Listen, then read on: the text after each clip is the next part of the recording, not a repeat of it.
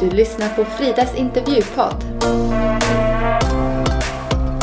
Spännande människor berättar.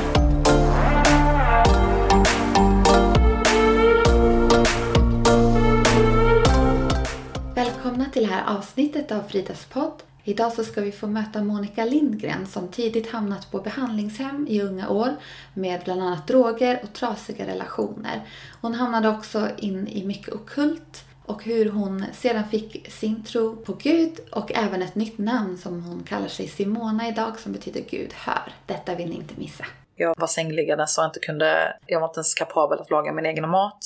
Jag hade oregelbundna hjärtslag, allting var kaos. Rent fysiskt, psykiskt och jag kommer ihåg att jag flera gånger kollar mig själv i spegeln och bara ser ett nervvrak där jag inte känner igen mig själv. Hej Monica! Välkommen! Tack så mycket. Tack Frida. Eller, jag sitter ju faktiskt i ditt hem. Du är ju så gästfri människa Mm. och jag älskar det med dig. Tack. Eh, Du har ett väldigt vackert hem. Du bor ju i Malmö. Mm. Du är så spännande människa med mycket inredning och eh, mycket färg i ditt liv och färgsprakande människa tycker jag också. Skulle du beskriva dig själv som? Absolut, absolut. Lite av en samlare, gillar färg, unikhet, Ja, originella saker. Och du är hjärtligt välkommen. tack. Mm. På tal om samling så har du ju lite loppisar hemma just nu. Japp. Behöver bli av med lite gamla saker från mitt gamla liv. Eh, det är viktigt att eh, när man kommer till tro att man släpper taget om, om det förflutna och den gamla personen man var. För att man är en ny eh, skapelse i Messiah. Och Messiah som du säger som ett namn för. Eh, för frälsare. Precis. Och eh, du pratar om ditt gamla liv. Vill du berätta hur, hur var din uppväxt? Eh, min uppväxt var väldigt kaotisk, var väldigt ehm, destruktiv, traumatisk med eh, mycket ehm, psykisk ohälsa och eh, olika slags missbruk. Ehm, ja, väldigt otrygg anknytning, ingen stabilitet. Det var mycket, mycket saker som, som inte var som de skulle för ett barn. Ehm, ja, Och du växte upp med din mamma eller? Eh, med min mamma och med min pappa och sen med min styvpappa. Så det var väldigt fram och tillbaka. Jag växte upp på kvinnojour. Eh, gjorde de första åren och eh, ingen var heller troende i min familj. Ingen av dem mådde bra. Kom också från dåliga eh, levnadsförhållanden, dåliga familjer där det var väldigt mycket mörker och eh, olika slags missbruk, kaos, ja, när, man växer, när ett barn växer upp i missbruk och det är liksom en miljö där det inte är möjligt för ett barn att, att kunna blomma Mm. och, och kunna få en, bra stabilitet. Och du saknar ju mycket trygghet i din barndom också. Ja, eh, hade ingen trygg anknytning alls och eh, hade väl ingen, eh, var väldigt ensam som barn och hade, hade ingen liksom att nå ut till. Eh, ingen mamma eller ingen pappa och mådde väldigt dåligt som barn men vad jag förstår nu eh, är att Gud fanns ju där hela tiden. Det står den som saker skall finna och hur ska jag kunna finna någon som jag aldrig blivit introducerad till? Det var ju ingen i min familj som var troende. Så jag visste ju inte vem Gud var. Jag, allt som var tillgängligt var det som var i världen. Och det var missbruk, eh, andra gudar och inte eh, liksom eh, den Gud vi tror på. Och du pratar ju om missbruk också. Att det förekom i din familj. Mm. Och slutligen kom ju du också in i det. Vill du berätta lite om det? Eh, ja, eh, jag växte upp med en alkoholiserad pappa som hade eh, ADHD och andra eh, problematiker. Och eh, det började väl med att alltså jag sökte ju efter en trygghet, sökte efter någonting som jag inte hade fått som barn. Så det började ju att jag själv började röka på när jag var 12 och började eh, dricka alkohol. Var väldigt rebellisk, gjorde saker som eh, jag visste någon inom, alltså inom mig att det inte var bra eh, och hade en smärta inom mig som jag bara ville döva och dämpa. Eh, och då, då var det det som var tillgängligt. Men vuxna människor i din närhet på den tiden när du var så ung kom in i missbruk. Fanns det någon reaktion eller vad möttes du av? Jag tror det är mycket förnekelse att, eh, och medberoende. Att, ehm, jag, jag tror inte det är så jättemycket som föräldrar kan göra. Jag tror att vissa vill inte se att deras, vad deras barn är i. Vissa känner sig ehm, um, ha skuld och skam för att de, de inte kunde göra bättre. Och um, sen att eh, om ett barn är rebelliskt och utåtagerande så kommer man göra så som man själv vill och strunta i vad de vuxna säger. Så det hela började med eh, missbruk tidigt som ledde till tyngre missbruk. Eh, sen när jag var 16 år drabbades jag av en eh, haschpsykos och det var som en väldigt mörk period i mitt liv. Där jag också öppnade upp mycket för eh, okultism eh, och eh, i, i form av olika slags symboler. Och det var bara en väldigt, väldigt mörk tid i mitt liv. Jag öppnade upp dörrar för saker som var väldigt mörka. Du hamnade ju också på behandlingshem. Mm. Eh, när var detta? Jag hamnade på min första behandlingshem när jag var 18 och då var det att jag fick en varning att om jag inte gick in frivilligt så skulle jag få LV, LVU, lagen vårdar ungdom. Så då gick jag in eh, frivilligt och eh, sen eh, fick jag då min första diagnos, då var det ADHD-diagnos, fick medicinering, tog ett återfall och eh, hamnade på ytterligare ett behandlingshem när jag var omkring 20. Jag hade tillbringat väldigt mycket tid på psykiatrin, eh, många, många, många år och eh, hade självskadebeteende bland annat, inte bara missbruk. Kom då till ett annat, var på två familjehem som var väldigt dåliga och kom på ett hem där jag var i tre år. Um, och där öppnade jag också upp ännu mer för det ockulta eh, i form av eh, tarotkort. Jag hade energistenar, eh, trodde mycket på turamuletter så jag lag min, eh, ja vad ska man säga, eh, tillit på saker som är begränsade på det sättet och öppnade upp ännu mer för det ockulta. När jag väl hade börjat söka detta så ville jag bara ha mer och mer och det tog aldrig slut utan det fanns ju bara oändligt av detta. Jag ville ju jag ville ha någonting som kunde fylla mitt inre tomrum och den, den ångesten och den smärtan jag kände. För jag hade jättemycket smärta inom mig. Och ångest och, och allting. Så jag försökte hitta olika saker i form av missbruk, men eh, olika slags beroende. Men det var aldrig någonting som fyllde mig långvarigt utan allting jag sökte i fyllde mig kortvarigt. Men det var bara en, en illusion av fyllnad och stabilitet trygghet. Och du berättade också att du haft en del relationer med Mm. olika män. Eh, och ingenting kunde riktigt fylla dig. Och sen hade du en lite längre relation också. Ja. 2014 träffade jag min första riktiga pojkvän som jag vågade att älska för jag hade väldigt mycket rädsla i mig som liten. Eh, var väldigt rädd att, att, eh, att älska och att bli älskad. Kände att jag aldrig riktigt kunde ta emot kärlek för jag aldrig hade fått kärlek. Så för mig var det något väldigt eh, abstrakt, eh, obegripligt.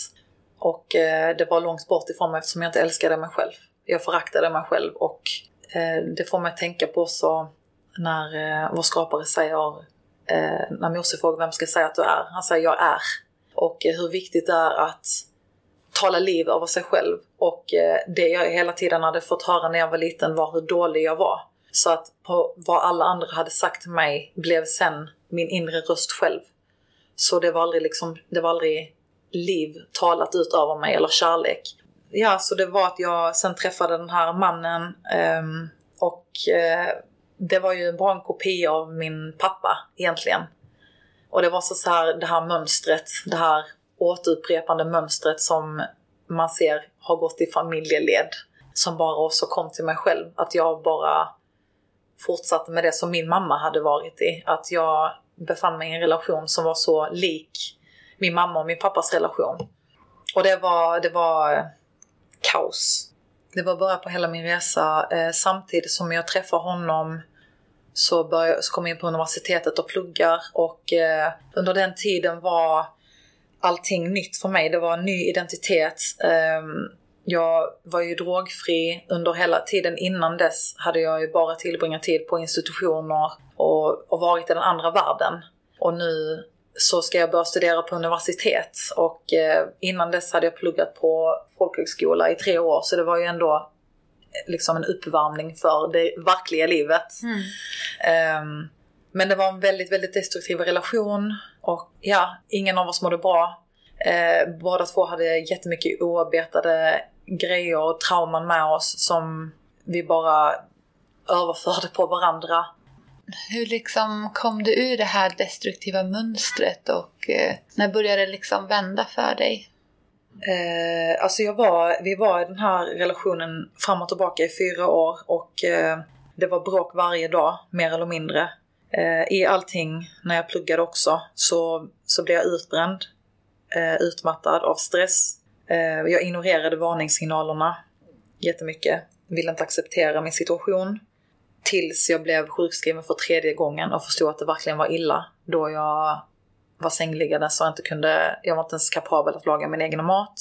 Jag hade oregelbundna hjärtslag, allting var kaos. Rent fysiskt, psykiskt. Och jag kommer ihåg att jag flera gånger kollar mig själv i spegeln och bara ser ett nervvrak där jag inte känner igen mig själv. Och, och jag kommer ihåg, eh, det var så, det var så kaotiskt det här förhållandet. Och, och jag försökte ta till terapeuter, olika psykologer. Jag försökte verkligen allt för det var som att jag, det kändes som att jag var i kvicksand och bara höll fast i liksom en liten skör tråd samtidigt som jag bara sjunker.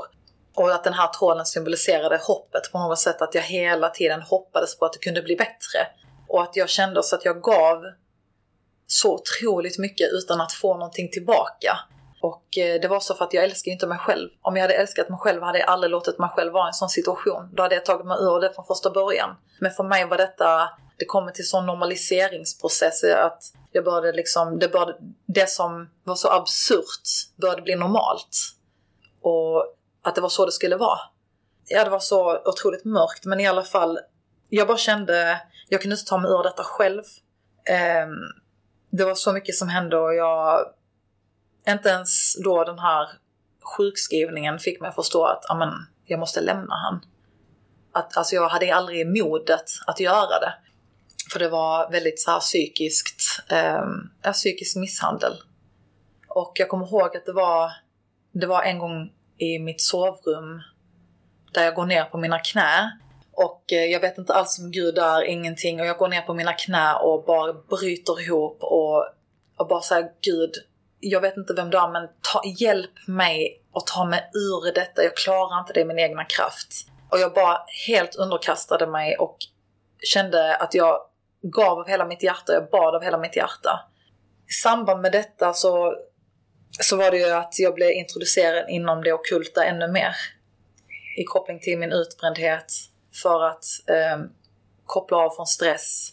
Så du blev introducerad eh, från var det sjukvården eller behandlingshemmet? Ja, sjukvården eftersom de eh, remitterar folk till att göra medioga kallas det, medicinsk yoga. Så att när jag då var utbränd så var det ju det jag blev introducerad till och mycket mindfulness. Ja, så jag började göra eh, medyoga och sen började öppna upp dörrar för jag ville börja mer yoga. Och det slutar med att jag börjar gå på ett annat yogaställe och gör yin-yoga och sen börjar jag göra kundalini-yoga vilket är en av de snabbaste vägarna i yogavärlden till det spirituella. Och sen blev det mer sökande och mer av det. Det, det var liksom som ett beroende Eh, och börjar öppna upp jättemycket för det spirituella. Eh, öppna upp tredje ögat, eh, gå utanför min kropp. Eh, jag var jättemycket inne i shamanism, började söka i det, som är då naturreligion. Man använder så mycket av örter. Eh, började kalla mig själv för häxa, eh, la tarotkort. Så att jag gav mig verkligen, verkligen in i, i det utan att veta vad jag egentligen gav mig in i. Du som redan mådde dåligt, eh, hur påverkade det här dig? Det påverkade mig då som jag sa innan att efter jag hade gjort yogan så kände jag mig avslappnad. Men rent spirituellt eh, så blev jag värre. Jag började känna när jag var i min lägenhet, jag kunde diska och känna att någonting annat var i lägenheten bakom mig. Eh, efter ett av passen kunde jag känna en enormt konstig värme i hela kroppen. Och eh, att jag började svettas. Jag hade mycket mardrömmar det, det slutade med att jag gav mig så djupt in också i shamanism och gjorde ett örtbad där efter jag gjorde det så började allting i mitt liv rasera. Det var inte alls vad jag trodde att det skulle vara. Det är också verkligen att den breda vägen leder till fördärvet. Det här ledde verkligen mig till fördärvet. Hela min själ, det var så mycket fragment i min själ. Och eh, det kändes bra för stunden men det var absolut inte långvarigt och jag bara kände mig lurad. Eh, och liksom min relation med min mamma blev värre. Det blev separationer. Eh, jag började bara må ännu sämre och, och kände inte någon livsglädje egentligen. Och den här trasiga Simona som var väldigt eh, vilsen, mm. skulle man kanske kunna beskriva mm. dig som. Eh, när vände det? När blev du hel? när blev jag hel? Det var, det var ju egentligen den bönen. Där i sovrummet. Det var egentligen mitt första, där, där jag öppnar upp mitt hjärta och säger att nu välkomnar jag in dig i mitt liv. Kom in i mitt liv och, och rädda mig. Eh, jag behöver dig, jag klarar inte detta själv. Eh, och sen var det i samband med min relation med den här mannen så sökte jag mig till olika psykologer och terapeuter och det var också även att jag blev introducerad av en vän att eh, gå till en pastor i en eh, församling. Så det var där det började komma in lite smått för som sagt att ingen i min familj var troende. Den enda gången jag hade hört om Gud var konfirmation. Och det kände jag jättemycket emot för att jag kände att jag ville inte göra det bara för att få smycken eller presenter, vilket jag visste att många gjorde. Så det kändes inte rätt i mitt hjärta. Sen var det också under den här perioden där jag var väldigt djupt inne i det här new age och eh, shamanism. Där det var en evangelist som var ute och predikade mycket på gatorna här i Malmö. Och det var vid två tillfällen han säger till mig att Jesus älskar dig, Jesus älskar dig. Och jag bara kände sån anti, anti den kärleken. Han försökte ösa på mig och jag tänkte va? Vadå Jesus älskar mig? Va? Och jag bara blev så här irriterad på något sätt inom mig. Och så kommer jag ihåg att jag alltid såg andra troende och bara, ja men de är alltid så glada och de ser så rena ut. Och att det var något som var så långt bort för mig för jag levde verkligen ett liv i mörker och destruktivitet liksom, i det här okulta och att festa varje helg och liksom bara vara helt laglös.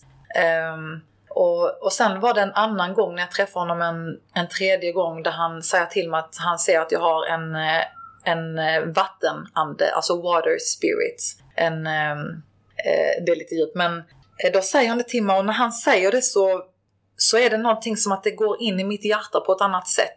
Det var så här, det här radikala sanningen som, som jag visste, alltså att jag visste att det var sant, det han sa. Och jag tänkte på det. Och sen för när jag praktiserade shamanism så visste jag att det var mycket att man tillkallade just den anden till sig. Kundalini, det är liksom en eh, orm som man framkallar som är från vattnet. Och många andra övningar som man gjorde. Som, så jag visste att det han sa stämde.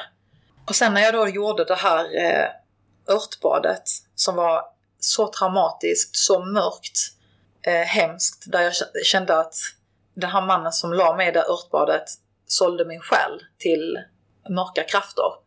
Eh, efter det så kände jag bara ett kall efter att få läsa Bibeln och eh, att jag behövde omvända mig.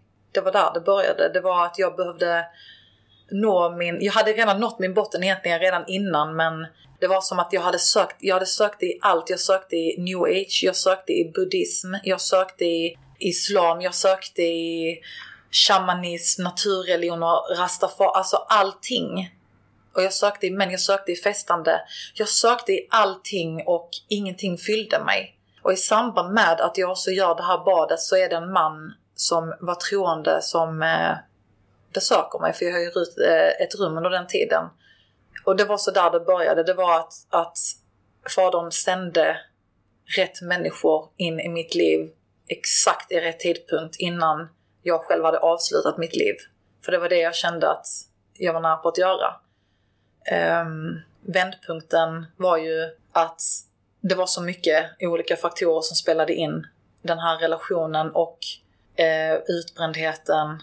Och ibland kanske man kan fråga sig varför händer detta mig? Men jag förstår att det var jag själv som hade satt mig det. Jag, det har ödmjukat mig enormt mycket. Eh, det kan det fortfarande göra. Ibland om man känner sig trött. Ibland så, så klagar jag inte utan jag accepterar att det är som det är och jag kan bara göra rätt nu. Och det är att leva genom, genom Guds ord och efter det.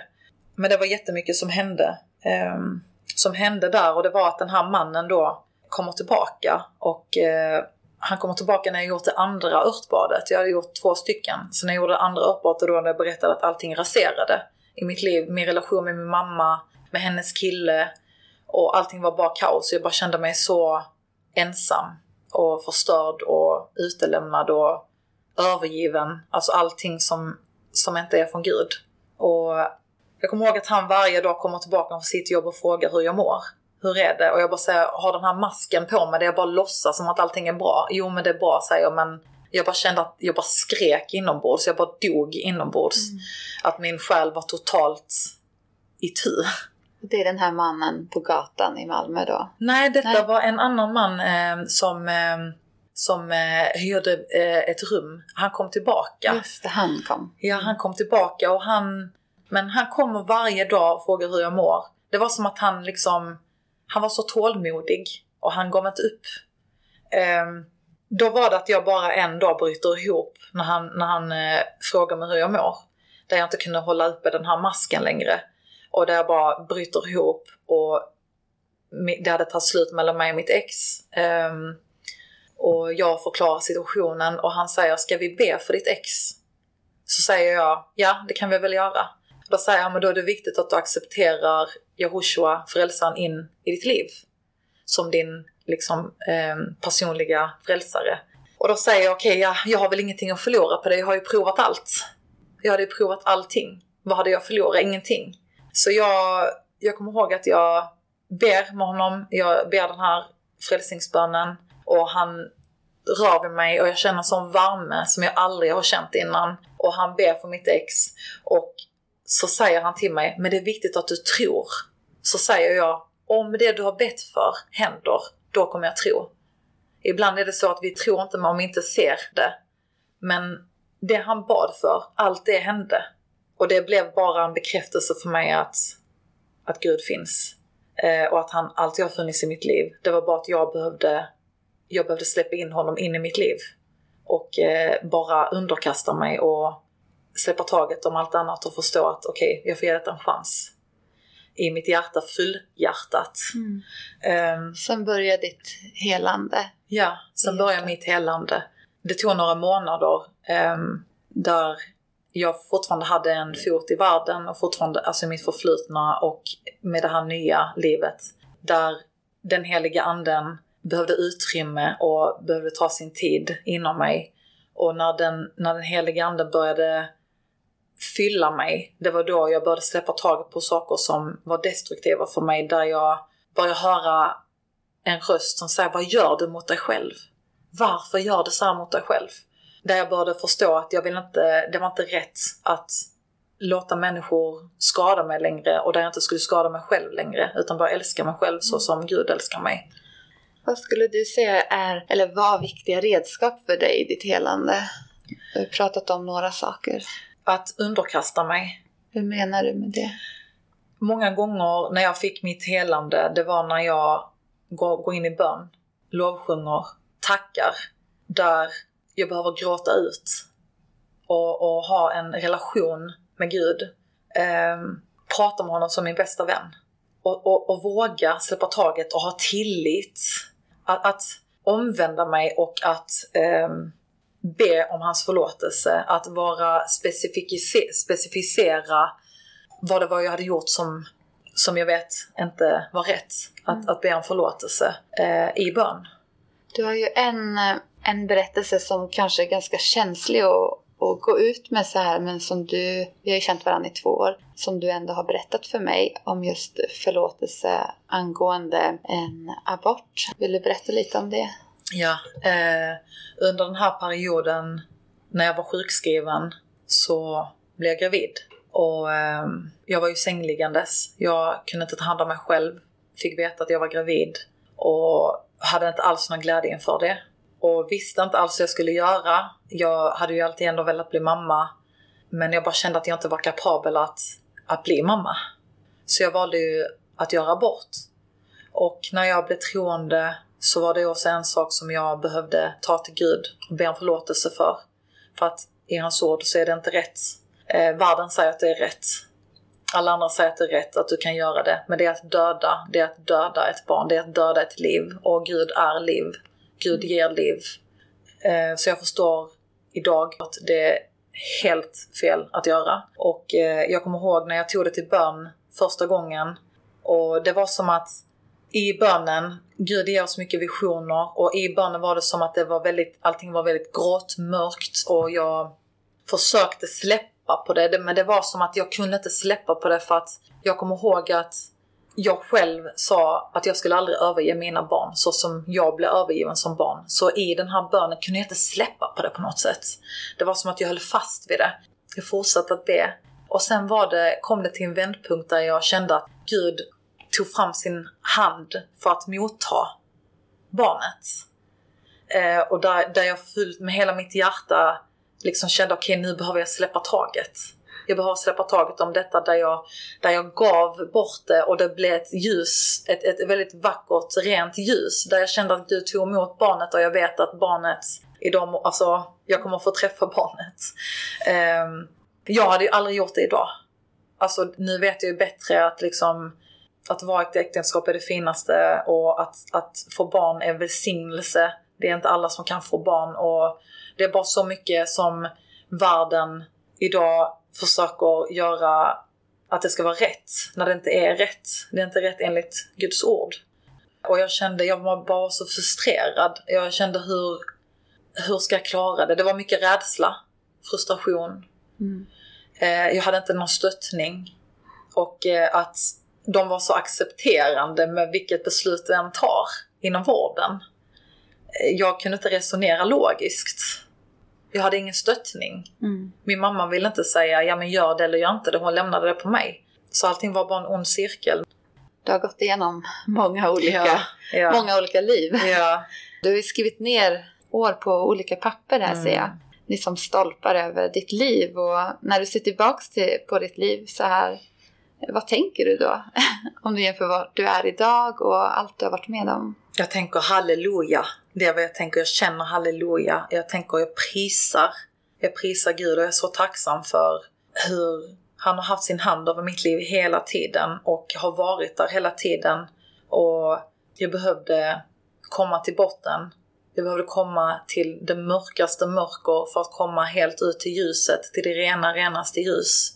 Jag behövde gå igenom allting, alltså olika diagnoser, psykisk ohälsa, missbruk, det okulta, destruktiva relationer för att komma mm. ut i huset. Mm. Många cirklar att gå igenom. verkligen. Ja. Spiral. Ja, Det var verkligen en spiral. Och nu blickar du ju framåt väldigt mycket. Ja. När jag hänger med dig mm. eh, så har du ju mycket, väldigt mycket glädje i ditt mm. liv och framtidstro. Ja. Vad drömmer Simona om? Vart är du om tio år? Jag kan bara veta vad jag är idag. Um, men att bara vakna upp och veta att jag, hans nåd är större än något annat. Och att han vill att alla ska komma till honom och få känna på hans glädje, hans kärlek som är oändlig. Och hur alla kan bli fria så länge de omvänder sig och släpper in honom i sina liv. Um, jag bara känner tacksamhet. Mm. Och så att det jag behövde gå igenom också idag har blivit ett vittnesbörd som, som gör det lättare för mig att se andra som är detsamma. Och att det finns, det finns en väg. Det finns bara en väg. Mm. Och många kan säga nej men alla har olika vägar. Nej. Det kanske är att alla behöver gå på olika vägar till att komma till det står att Jehoshua är vägen, sanningen och livet. Ingen kommer till Fadern utan genom honom. Och den smala vägen leder till livet. Och han ger dig liv, liv i överflöd. Det finns ingen som kan mätas med, med hans liv och hans nåd. Det är han som ger visdom, det är han som ger liv. Och det är långvarig kärlek, det är långvarig frid. Det är, det är en, en trygghet som ingen annan kan ge dig. Det är, den en fader som tuktar dig, det är en fader som, som älskar dig, som, som, som finns där hela tiden. Och det är bara det är bara viktigt att ge, ge sig hän, alltså helhjärtat. Så sök mig med hela ditt hjärta, hela din själ och hela din kraft. Eh, och öppna upp för honom att förändra ens liv och, och släppa taget och låta han läka en för att man... Jag förstår att jag kan fortfarande ha fragment i min själ. Sprickor som behöver bli fyllda och det är bara hans ande och hans kärlek som kan fylla de sprickorna. Och det är som att jag fick till mig det mycket att det är som att man är en lök. Eh, att han tar lager för lager i läkningsprocessen och tar bort ett lager och det gör ont. Mm. Det gör ont. Vi vet själva när vi skär i lök. Ögonen börjar svida, man börjar gråta. Det här att det är ett lager mm. och sen är det ett annat och det sker med sån omsorg. Eh, och sen till sist är det den innersta, innersta kärnan, vilket är ditt renaste jag, din själ. Det finns ingen som kan läka som han och det finns ingenting annat i den här världen som kan ge vad han ger. Eh, och du, på tal om lök så är du ju väldigt duktig på matlagning. du har ju precis bjudit mig på en fantastisk middag här ja. ute på din balkong. Ja. Det är så trevligt. Ja. Och eh, när du lagar mat, hur kom du in på det? Det var så faktiskt i hela den här processen av min utbrändhet. Eh, det kom något gott med det också. Försöker se välsignelser i allting. Att eh, mitt intresse för helhetstänkande, eh, mål, alltså vara medveten om vad jag äter och hur viktigt det är att eh, bara hålla templet starkt och friskt och hälsosamt. Och sen all ära till Gud för att det, det är gåvor som han ger. Och matlagningen är en gåva som jag har fått. Som jag älskar att göra. Verkligen. Och det här med att serva andra. Det är också så här att vi lever i en värld som är väldigt egoistisk, där folk tänker mycket på sig själva. Och det är inte så det ska vara, vi ska serva varandra. Vi ska älska varandra, älska din nästa som dig själv och och, det, det, det ger mig glädje att mm. se andra njuta och må bra och liksom, ja. Det är därför eh, det är så härligt att hänga med dig, ja, Simona. Detsamma. Eh, ja, man känner den kärleken som du har fått ta emot mm. och som du ger till, eh, till så många runt mm. omkring dig. Och vi kan prata här i tusentals år mm. med alla fragment av dels vad Gud har gjort i ditt liv mm och din tuffa, ditt tuffa liv mm. men också de spännande möten som du har fått ute på gatorna mm. med människor. Och mm. Det finns mycket i dig så mm. Detsamma. det slutar inte här. Även om podden börjar lida mot sitt slut. Mm. Eh, skulle du vilja säga några välvalda sista ord till de som har lyssnat? Den som söker skall finna och sanningen ska sätta dig fri. Och han är vägen, sanningen och livet söka honom på egen hand. Inte göra vad alla andra gör, utan söka honom med hela sitt hjärta. Söka bortom det som världen ger. För han ger inte som världen ger. Att, att jag finns här, den som lyssnar på detta och känner sig manad att kontakta mig, att få bön, eh, ställa frågor, eh, jättevälkommen. Jag är här för att serva igen och eh, jag är jättetacksam att jag får dela min berättelse med dig.